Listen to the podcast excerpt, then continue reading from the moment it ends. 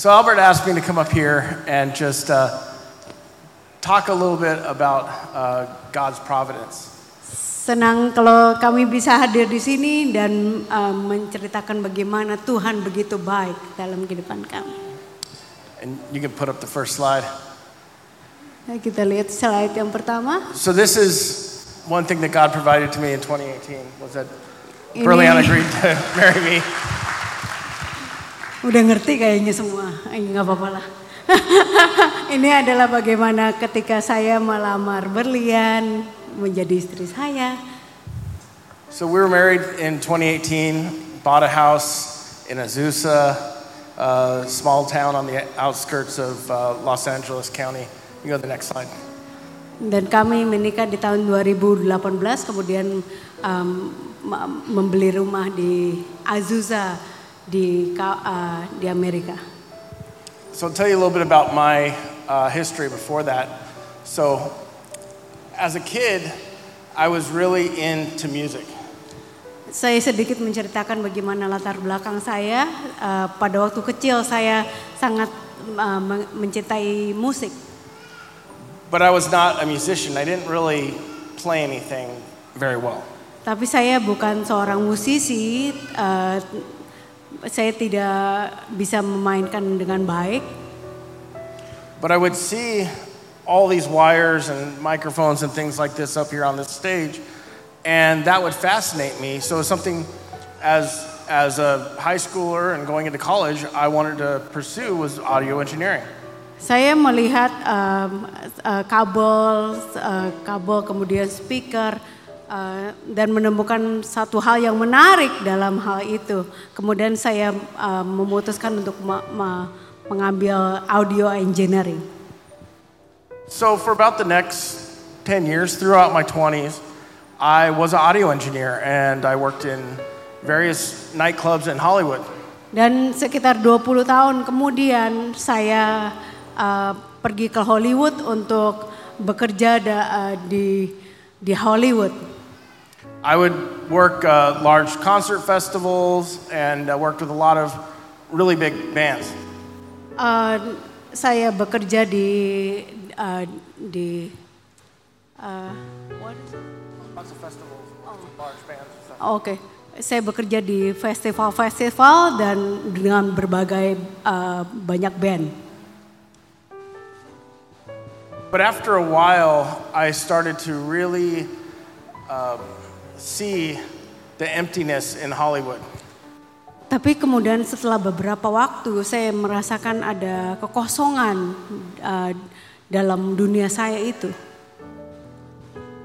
And really seeing that there was a, a toxic culture there that was going to hurt my life. Ada suatu uh, uh, suatu yang tidak sehat dalam komunitas saya uh, pada waktu itu. So I decided to get out of audio engineering and go into a completely different field. And uh, a few years later, though, I found a church who needed someone to take over their tech ministry. Kemudian saya memutuskan untuk meninggalkan dunia itu dan saya kemudian uh, masuk ke dalam satu gereja, gereja kecil dan kemudian bekerja di sana. This is great. Now I have a job where I can use my talents and skills that I've built to worship God. Saya kemudian saya berpikir baguslah saya saya uh, bisa keluar dari dunia musik ke kemudian untuk melayani Tuhan. And this was a great job with great people. Um, was able to do lots of, of ministry, had uh, great ministers I was working with. Dan ini adalah pekerjaan yang bagus sekali uh, dengan orang-orang yang luar biasa dan pokoknya suasananya benar-benar mendukung dan enak sekali. So once we got married, though, I realized this job is not going to support us and to afford us to buy a house and fix up our house. Tetapi pada saat kami menikah, uh, saya berpikir saya nggak bisa melanjutkan pekerjaan ini karena kalau diteruskan saya nggak bisa menghidupi keluarga saya. So I happened to see there was a uh, new nightclub opening in downtown Los Angeles. Dan saya kemudian uh, melihat ada suatu melihat postingan di uh, Instagram, right?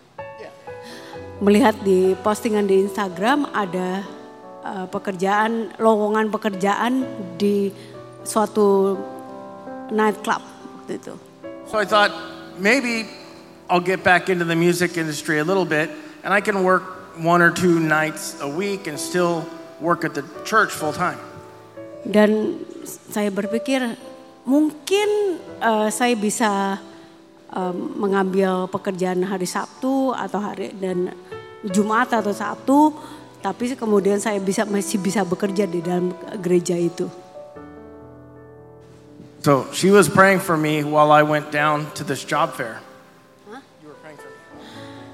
Kemudian uh, istri saya berdoa untuk saya pada saat saya um, melamar pekerjaan itu. And this is when I thought God was providing for me. Kemudian saya berpikir, ah ini waktunya Tuhan menyediakan untuk saya. Because they told me, hey, we want to hire you, but not just part time. We want to hire you full time and help us remodel all the sound system and everything in this old theater. Kemudian saya uh, mereka memanggil saya uh, untuk me, mem, melakukan perubahan dalam audio uh, dalam uh, sistem audio mereka. So I went back to my church and told them, "Hey, um, I had this really great opportunity, and I think God's leading me in this direction." And the pastor there said, "Yeah, you should you should go after it," and he was able to release me. Kemudian saya menceritakan hal ini kepada pendeta saya dan saya berkata ini adalah suatu kesempatan yang besar sekali untuk saya uh, dan mereka pun begitu mendukung saya untuk mengambilnya. And that was January of 2020 when I was hired. Dan itu adalah uh, tepatnya di Januari 2020. Within a month, they closed down all nightclubs, all outdoor, out, all meetings at all in Los Angeles. Sebulan kemudian, tepatnya pada COVID, pada waktu tepat COVID-19 uh, itu men, uh, men, menerpa seluruh nightclubs, semua klub-klub di Amerika ditutup. At first they said it would just be two weeks, but as you know, it became two months, three months, four months. Pertamanya hanya dibilang untuk dua minggu, tapi kemudian uh, mendadak menjadi dua, dua bulan, tiga bulan, dan kemudian sampai tidak tahu waktu yang tidak uh, diketahui. So I was confused because God had provided this job for me and then immediately took it away.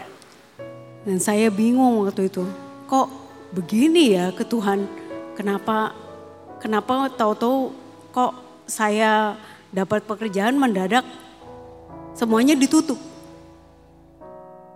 So I stayed working at my job at the church, tried to understand what God was doing. Saya pun uh, melanjut tetap bekerja di gereja dan belajar mengerti apa yang Tuhan mau dalam hidup saya. And then a friend of mine reached out to me, this is a few months later, and said, Hey, I just got hired by this really good company, and I think you can come work in my department. It was a telecommunications job. And I told him, I, I don't have any background in telecommunications. Kemudian ada seorang teman saya yang uh, menawarkan saya suatu pekerjaan dan dia bilang, eh mau nggak kerjaan ini? Tetapi saya bilang, uh, saya nggak nggak gitu ngerti sama uh, telekomunikasi, dia bilang. And my friend reminded me, well, hey, you love four wheeling out in the desert, driving my Jeep. You can go to the next slide. Dan uh, saya bil uh, dia bilang, ah kamu kan suka outdoor tuh, uh, uh, apa uh, nyetir di padang padang gurun.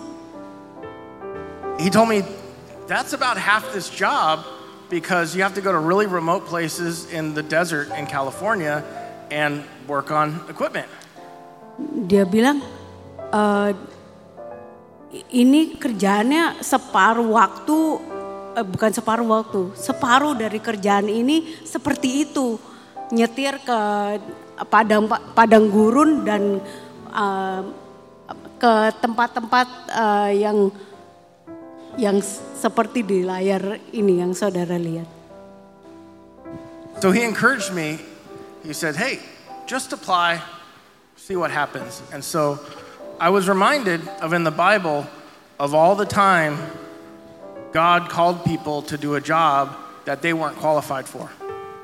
Dan akhirnya saya pun um, mengambil keputusan ya udah saya mulai apply aja uh, dan saya teringat satu kisah dalam Alkitab bagaimana Tuhan memanggil kita untuk um, suatu pekerjaan yang sama sekali kita nggak terkualifikasi untuk hal itu. So I applied for the job, and short time later, they interviewed me and said, "Hey, you're just the kind of person we're looking for for this role." Dan pada saat saya apply, beberapa lama, uh, beberapa saat kemudian, sekitar dua bulan kemudian itu saya diterima uh, pekerjaan itu. So I told the church, "Hey, I'm going to be quitting for real this time."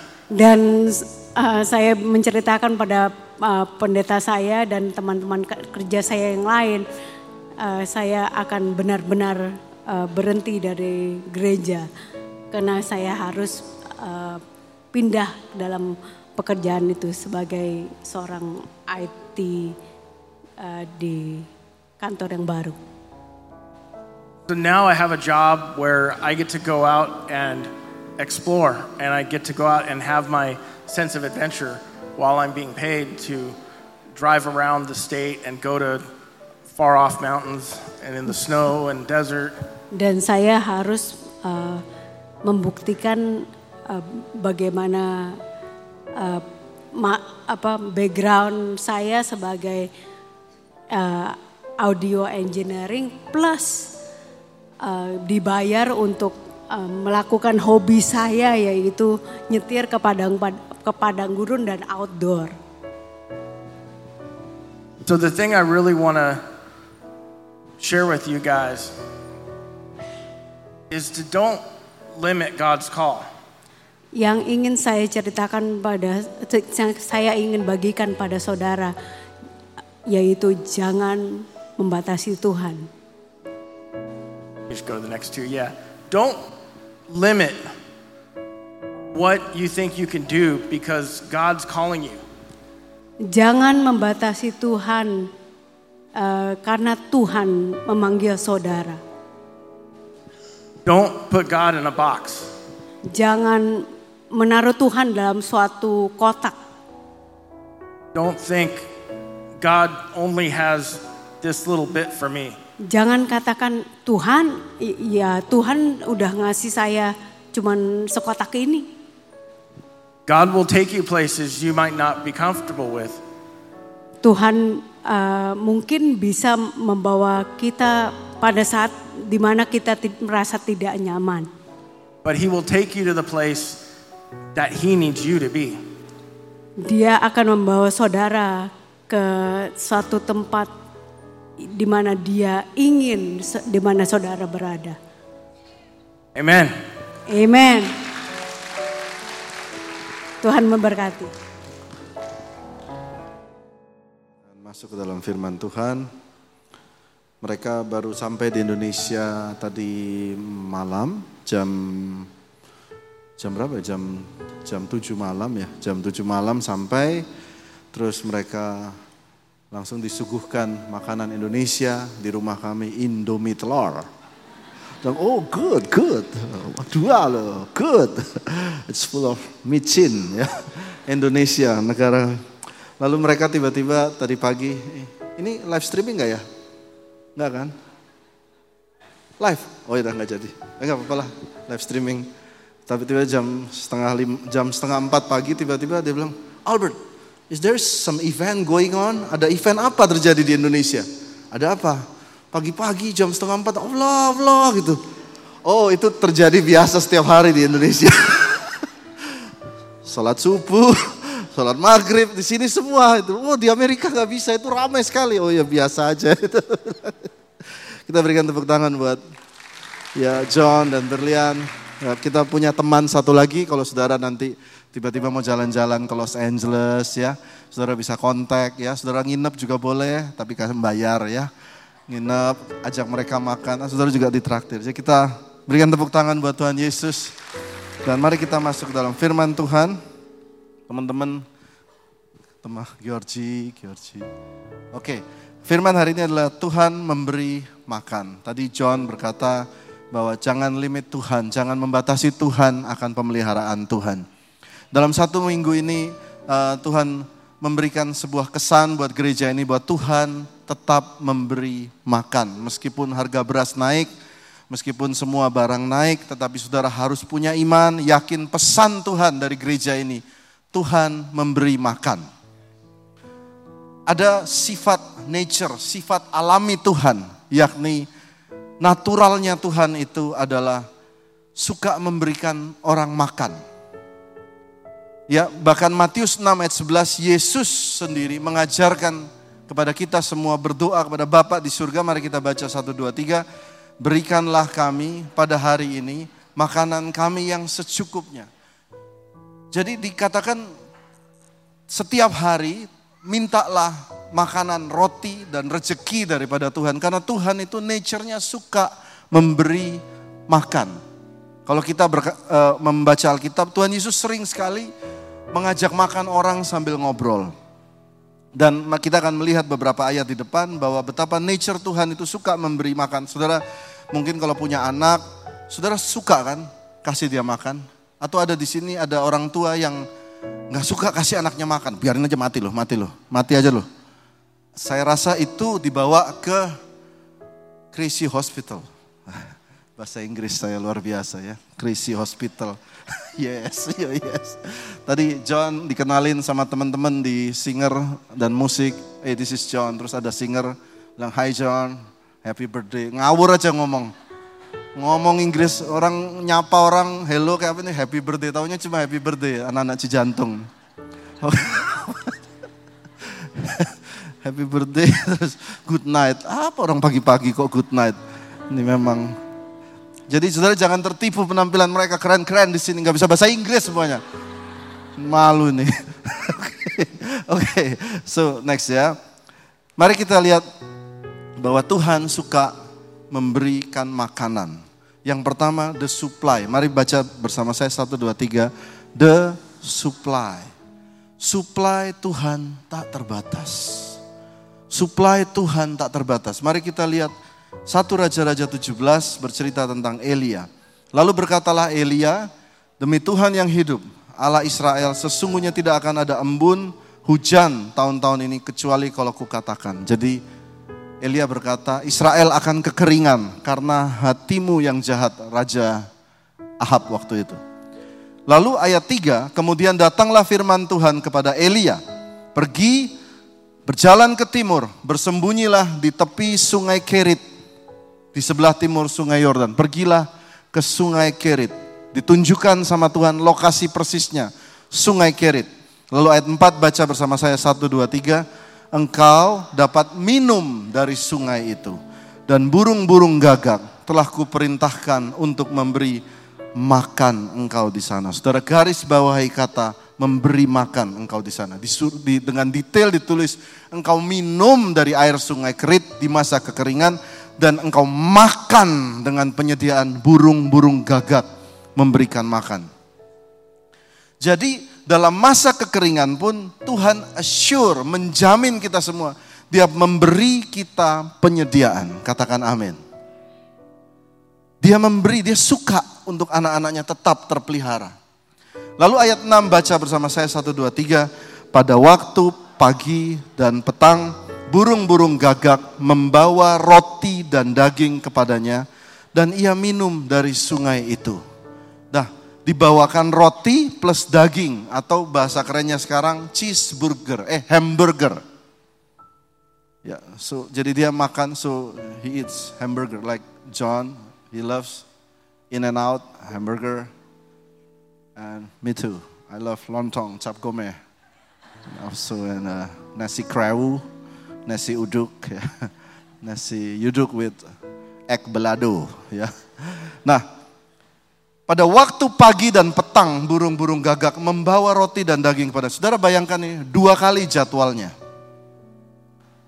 Pagi dan petang. Rupanya Elia makannya itu jadwalnya dua kali. Pagi sama petang. Memang kebiasaannya begitu, burung gagaknya juga mengikuti kebiasaan tersebut. Jadi kalau saudara bilang, Pak saya biasa makan tiga kali sehari. Maka Tuhan tetap akan memberkati saudara. Ke depan beras mau naik, Tuhan tetap berkati saudara makan tiga kali sehari. Kalaupun saya makan 17 kali sehari, Tuhan juga tetap sediakan jadwal seperti itu. Saudara bilang, Pak anak saya, anak saudara pun tetap Tuhan supply. The supply, the supply is unlimited. Katakan amin. Kalau dunia ini semua tidak bisa menyediakan, dia kirim burung gagak. Wow. Berikan tepuk tangan buat Tuhan Yesus. Wah orang tua saya tidak kasih saya oh, pekerjaan tetap bisa makan. Itu saudara harus taruh dulu karena sifat Tuhan seperti itu. Saya buktikan lihat perjalanan Elia yang kedua. Setelah dia mendapatkan uh, makanan dari burung gagak, yang kedua perjalanan Elia adalah share the blessing. Yang pertama the supply, setelah disupply dia share the blessing. Yang kedua, sungai Kerit tadi mulai kering. Burung gagak sudah mulai tidak datang. Dan Tuhan berkata, mari kita baca ayatnya bersama-sama, ayat 7. Tetapi sesudah beberapa waktu, saudara baca, sebab hujan tiada turun di negeri itu. Ka datanglah firman Tuhan kepada Elia, bersiaplah pergi ke Sarfat yang termasuk wilayah Sidon. Diamlah di sana, ketahuilah aku telah memerintahkan seorang janda untuk memberi engkau makan. Tadi disiapkan oleh apa? Burung gagak. Yang kedua, janda dari Sarfat. Memberi engkau apa? Ma? Makan. Kedua kan, makan lagi. Makanya saya bilang sifat Tuhan itu suka memberikan kita don't worry. Bahkan waktu Yesus Matius 6 ayat 33 berkata jangan kamu khawatir akan apa yang kamu makan, minum, pakai. Yang pertama apa? Makan. Jadi jangan khawatir. Katakan amin. Seorang janda di Sarfat memberikan engkau makan. Nah mari kita lihat janda di Sarfat ini. Tadi pertama burung gagak, lalu janda di Sarfat. Ternyata janda di Sarfat ini nggak punya apa-apa. Ternyata Tuhan mengajarkan Elia. Begitu janda di Sarfat memberikan tepung dan minyaknya yang terakhir, tepung dan minyak itu tidak habis. Betul ya? Dan janda di Sarfat itu makan bersama Elia dan anaknya. Dan menurut Alkitab ditulis tidak lama, bukan itu, langsung setelah dia kasih makan roti, perhatikan ayat firman Tuhan. Setelah dia kasih makan, tiba-tiba anaknya mati. Anaknya anaknya ibu janda tadi mati. Dan Elia membangkitkan anaknya. Kok bisa tahu Tuhan? Ya, saudara bayangkan. Jadi ternyata jadwal kematian orang itu udah tahu. Ada jadwalnya. Tapi mungkin janda ini ada spesial di mata Tuhan waktu dia mau alami kecelakaan itu, Elia dikirim dulu. Pertama, untuk memelihara ibu janda itu. Yang kedua, waktu anaknya ibu janda ini mati, ada Elia di situ. Jadi Tuhan memelihara dengan cara yang luar biasa. Berikan tepuk tangan buat Tuhan. Karena itu disebut judulnya share the blessing. Yang pertama tadi makan sendiri antara Elia dengan burung gagak. Ngelihat burung gagak, ih, burung gagak makan berdua, supply dari Tuhan. Tetapi setelah saudara mendapatkan supply dari Tuhan, yang kedua adalah supply dengan orang sekitar saudara. Kalau saudara ada rezeki, ojo dipangan dewe, bagi. Katakan amin. Ini loh, saya butuh John, John suka, suka makan. Saudara pulang kasih bakso bowo. He loves bakso bowo. Jadi setelah saudara diberkati, bagi juga ke orang. Seperti Elia, pertama burung gagak, yang kedua dia mulai bagi kepada janda di Sarfat itu. Share the blessing. Katakan amin. Nah yang ketiga, yang terakhir adalah the journey.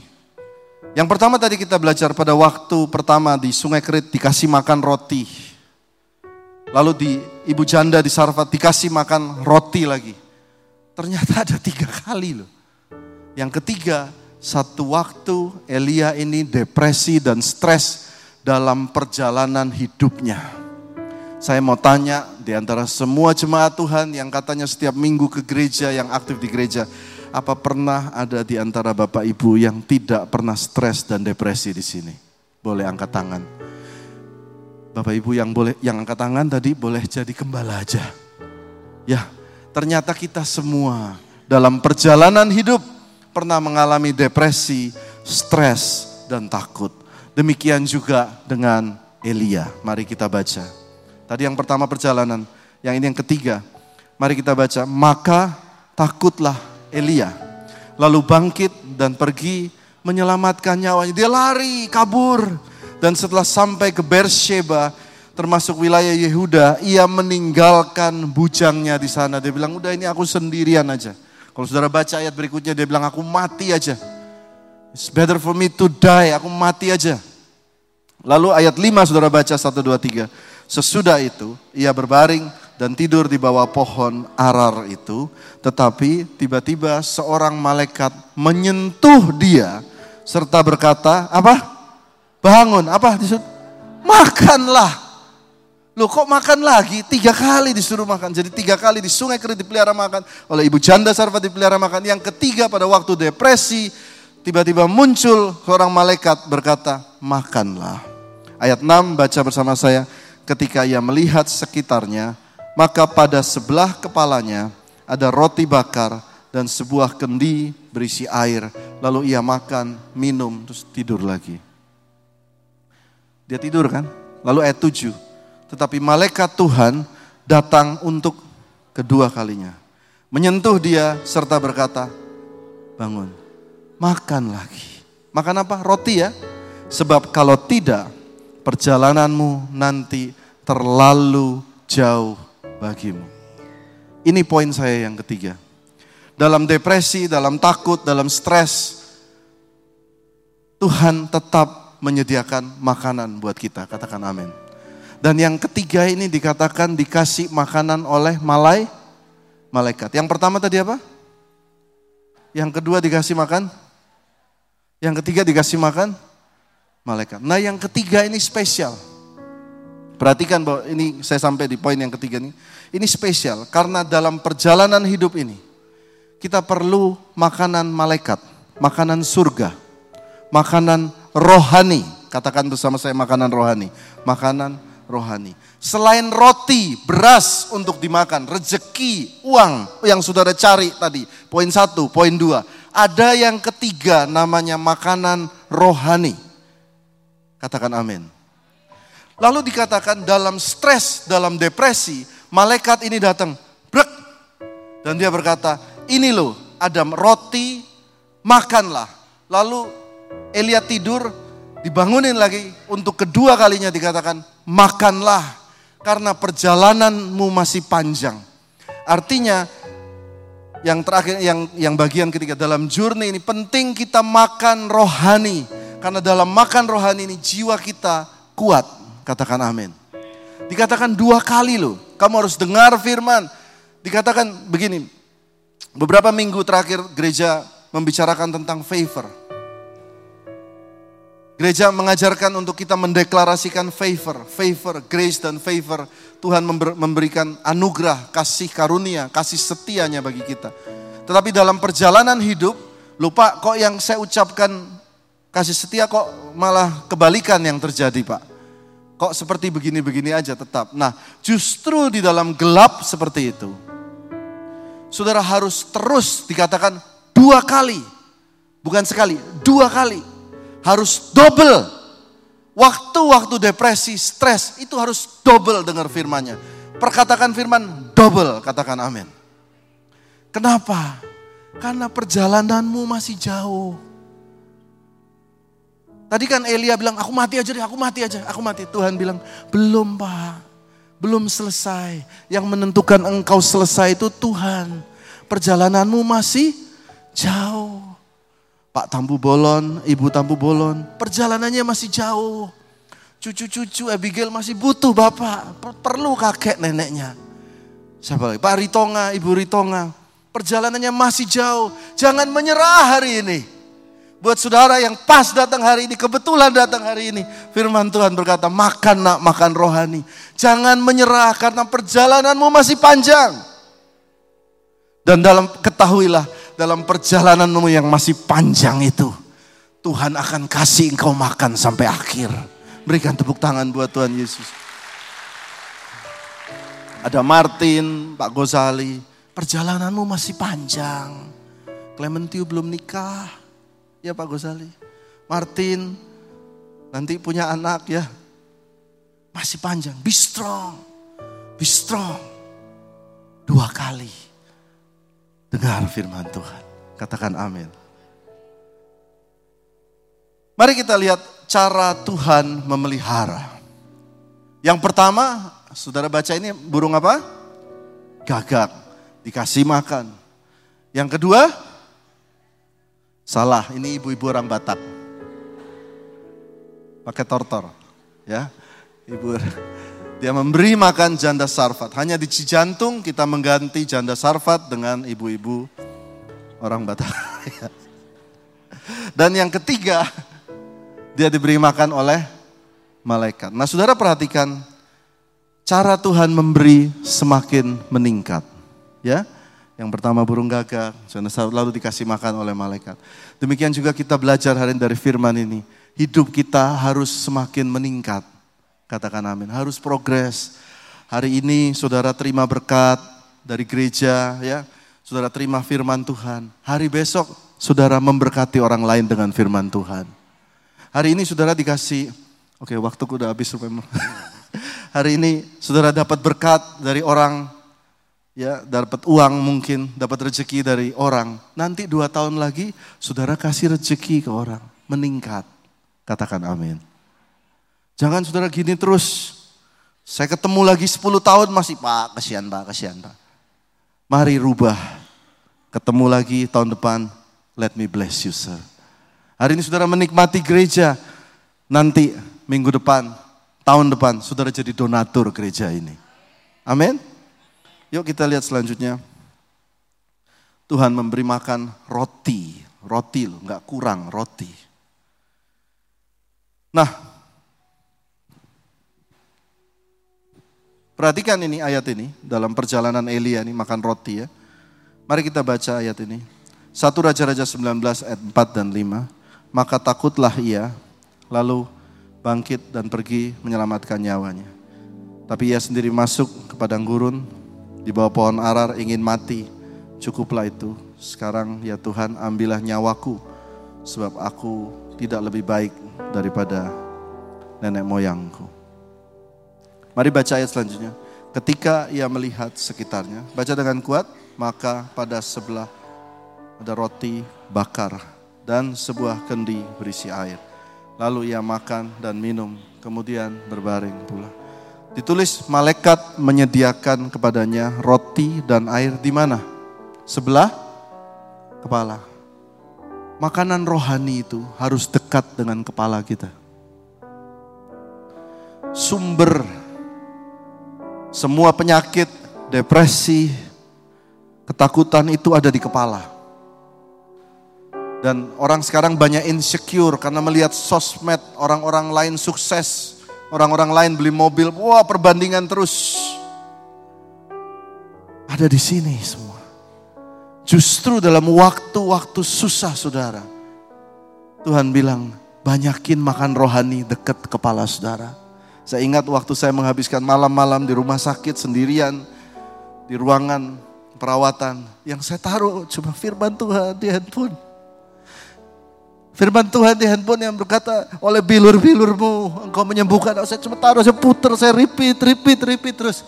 Saya bilang, I only have your word. Karena kepala ini kalau enggak saudara, saudara akan enggak kuat. Perjalanan masih panjang. Katakan amin. Saya mau bernubuat, tidak ada tahun ini yang susah makan. Katakan amin. Allahku akan mencukupkan kebutuhan, keperluan saudara menurut kemuliaannya. Buat anak-anakmu sekolah, mau sekolah aja mau naik kayak, saudara mau sekolah ke luar negeri kayak Allahku mulia. Terlalu mulia. Nah, selanjutnya. Ketika engkau letih lesu, mari baca ayat ini. Satu, dua, tiga. Ketika jiwaku letih lesu di dalam aku. Seperti Elia ya. Mari baca. Teringatlah aku kepada Tuhan. Dan sampailah doaku kepadamu dalam baitmu yang kudus. Jadi saudara jangan mager. Mager itu malas gerak lalu lihat handphone terus dan sedih. Tapi ingatlah akan Tuhan Ingatlah akan Tuhan. Remember, ada Tuhan yang pernah menolong kita. Amin. Lalu ada satu cerita. Mari kita baca Yohanes 4 ayat 6. Ini ada cerita yang menarik. Di situ terdapat sumur Yakub. Yesus sangat letih oleh perjalanan itu. Karena itu ia duduk di pinggir sumur itu. Hari kira-kira pukul 12. Nah ini menarik. Dalam satu seluruh perikop Alkitab baru dicatat pertama Yesus Dan di dalam Yesaya dikatakan Tuhan tidak capek dan Tuhan nggak pernah letih. Tapi kok di dalam Yohanes ada tulis Yesus letih. Dia capek. Nah, saya pinjam bangkunya. Thank you Kak Novli. Thank you Kak. Thank you, thank you. Oke. Okay. Yesus, Tuhan Yesus. Dia duduk di pinggir sumur dan ini. I'm tired. Yesus juga manusia. I'm tired. Ibu Tampu Bolon, Pak Tampu Bolon pernah capek? Pak Ritonga, I'm tired. I'm tired. Saudara hari ini, saudara ketemu Yesus yang sedang capek. I'm Lalu datanglah wanita, ya seorang wanita Samaria. Ternyata dia punya masalah juga dalam kehidupan dia. Lalu Yesus memberikan solusi kepada wanita ini. Dan tiba-tiba Yesus berkata ada air hidup yang keluar dari pinggangku yang berbual-bual, bahasa aslinya, berbual-bual mengalir, akulah air hidup itu. Dan seketika itu juga letihnya hilang. Ternyata rahasianya sama dengan makanan tadi. Setelah disediakan Tuhan after supply, setelah itu share the blessing. Demikian juga dalam keadaan letih kita, ternyata ada rahasia untuk kita semua menjadi lebih kuat adalah memberikan support kepada yang lain. Katakan amin. Kita pernah buat retret dulu waktu gereja masih waktu itu ada Ibu Nelly mungkin ya. Kita buat sekitar waktu itu gereja 30 orang yang ikut retret lalu oh nggak nyampe ya 25 mungkin. Lalu kita buat lingkaran dan saya bilang, "Ayo semua cerita masalahmu dalam satu menit Lalu apa yang ingin kita doakan? Lalu kita berdoa bersama. Dalam satu menit semua orang mulai cerita. Yang setiap minggu kita ketemu ke gereja cuma ketawa-ketawa gitu ya. Nyanyi haleluya lalu mereka mulai cerita masing-masing masalahnya. Ternyata rumit semuanya, kompleks semua, dark semuanya, gelap semuanya, kusut banyak sekali. Dari situ saya mengambil kesimpulan. Kalau saudara letih, capek, banyak masalah, ternyata engkau enggak sendirian loh. Yang lain juga sama. Mari saling menguatkan. Lihat ayat ini. Mari baca sama-sama dengan saya. Tuhan Allah memberikan kepadaku lidah seorang murid supaya dengan perkataan aku dapat memberi semangat baru kepada yang letih lesu. Jadi rupanya kita memberikan semangat baru, kita sendiri jadi kuat. Demikian juga kalau saudara terima rezeki, seperti tadi terima makanan, rezeki, saudara bagi kepada yang lain, supply mengalir terus. Banyak orang berkata, saya mah nggak, saya saya butuh ditolong, butuh ditolong. Saudara punya sifat seperti itu 10 tahun, 20 tahun seperti itu terus. Tapi hari ini kutuk itu saya patahkan dalam nama Yesus. Saudara belajar, waktu saudara depresi, tetap berkata kepada yang lain, be strong ya. Tuhan menolong kau. Waktu gereja bilang, ada persembahan, saudara tetap berusaha memberi sesuai kemampuan saudara. I want to bless the Lord. Berubah, alam roh berubah. Yang terakhir mari kita baca bersama-sama saya. Satu, dua, tiga.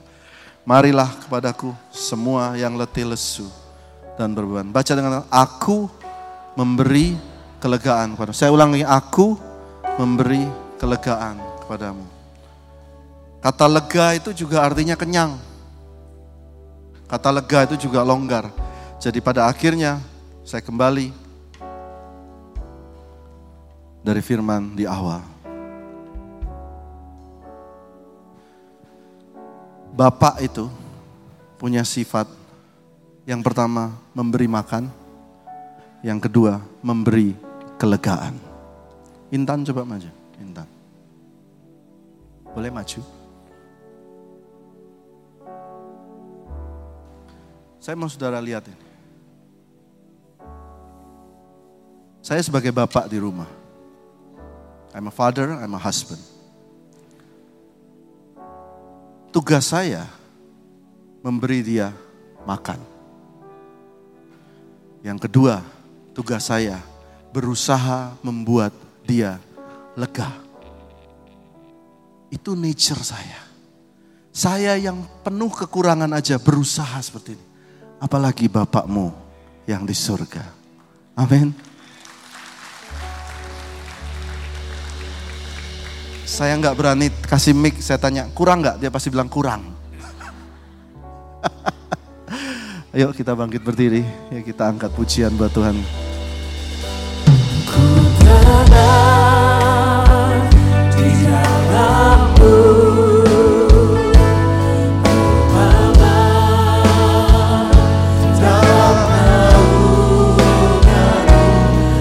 Bapakku baik Kau memelihara. Memeliharaku sempurna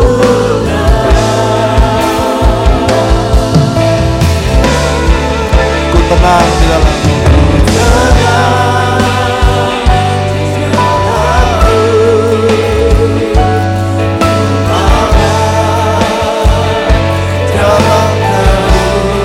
Dengan keras katakan Bapakku Bapakku yang baik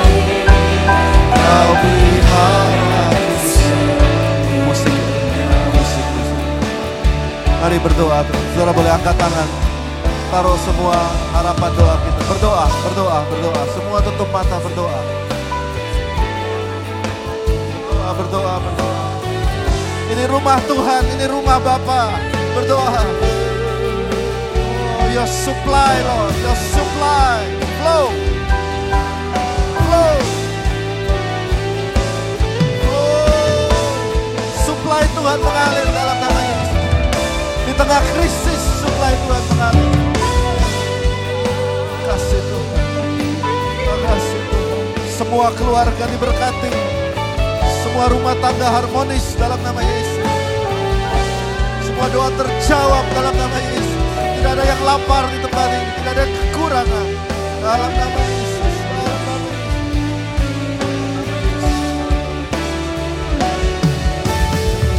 Semakin aku tenang,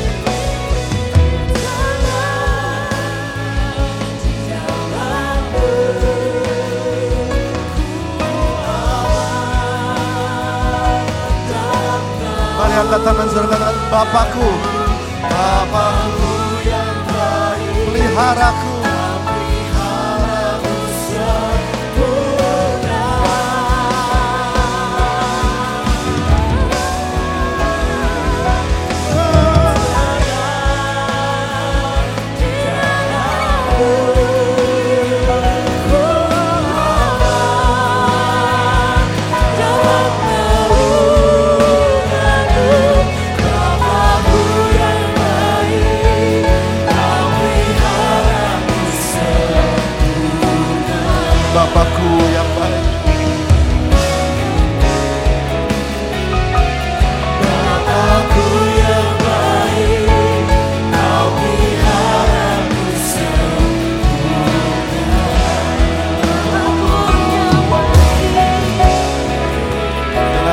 katakan peliharaku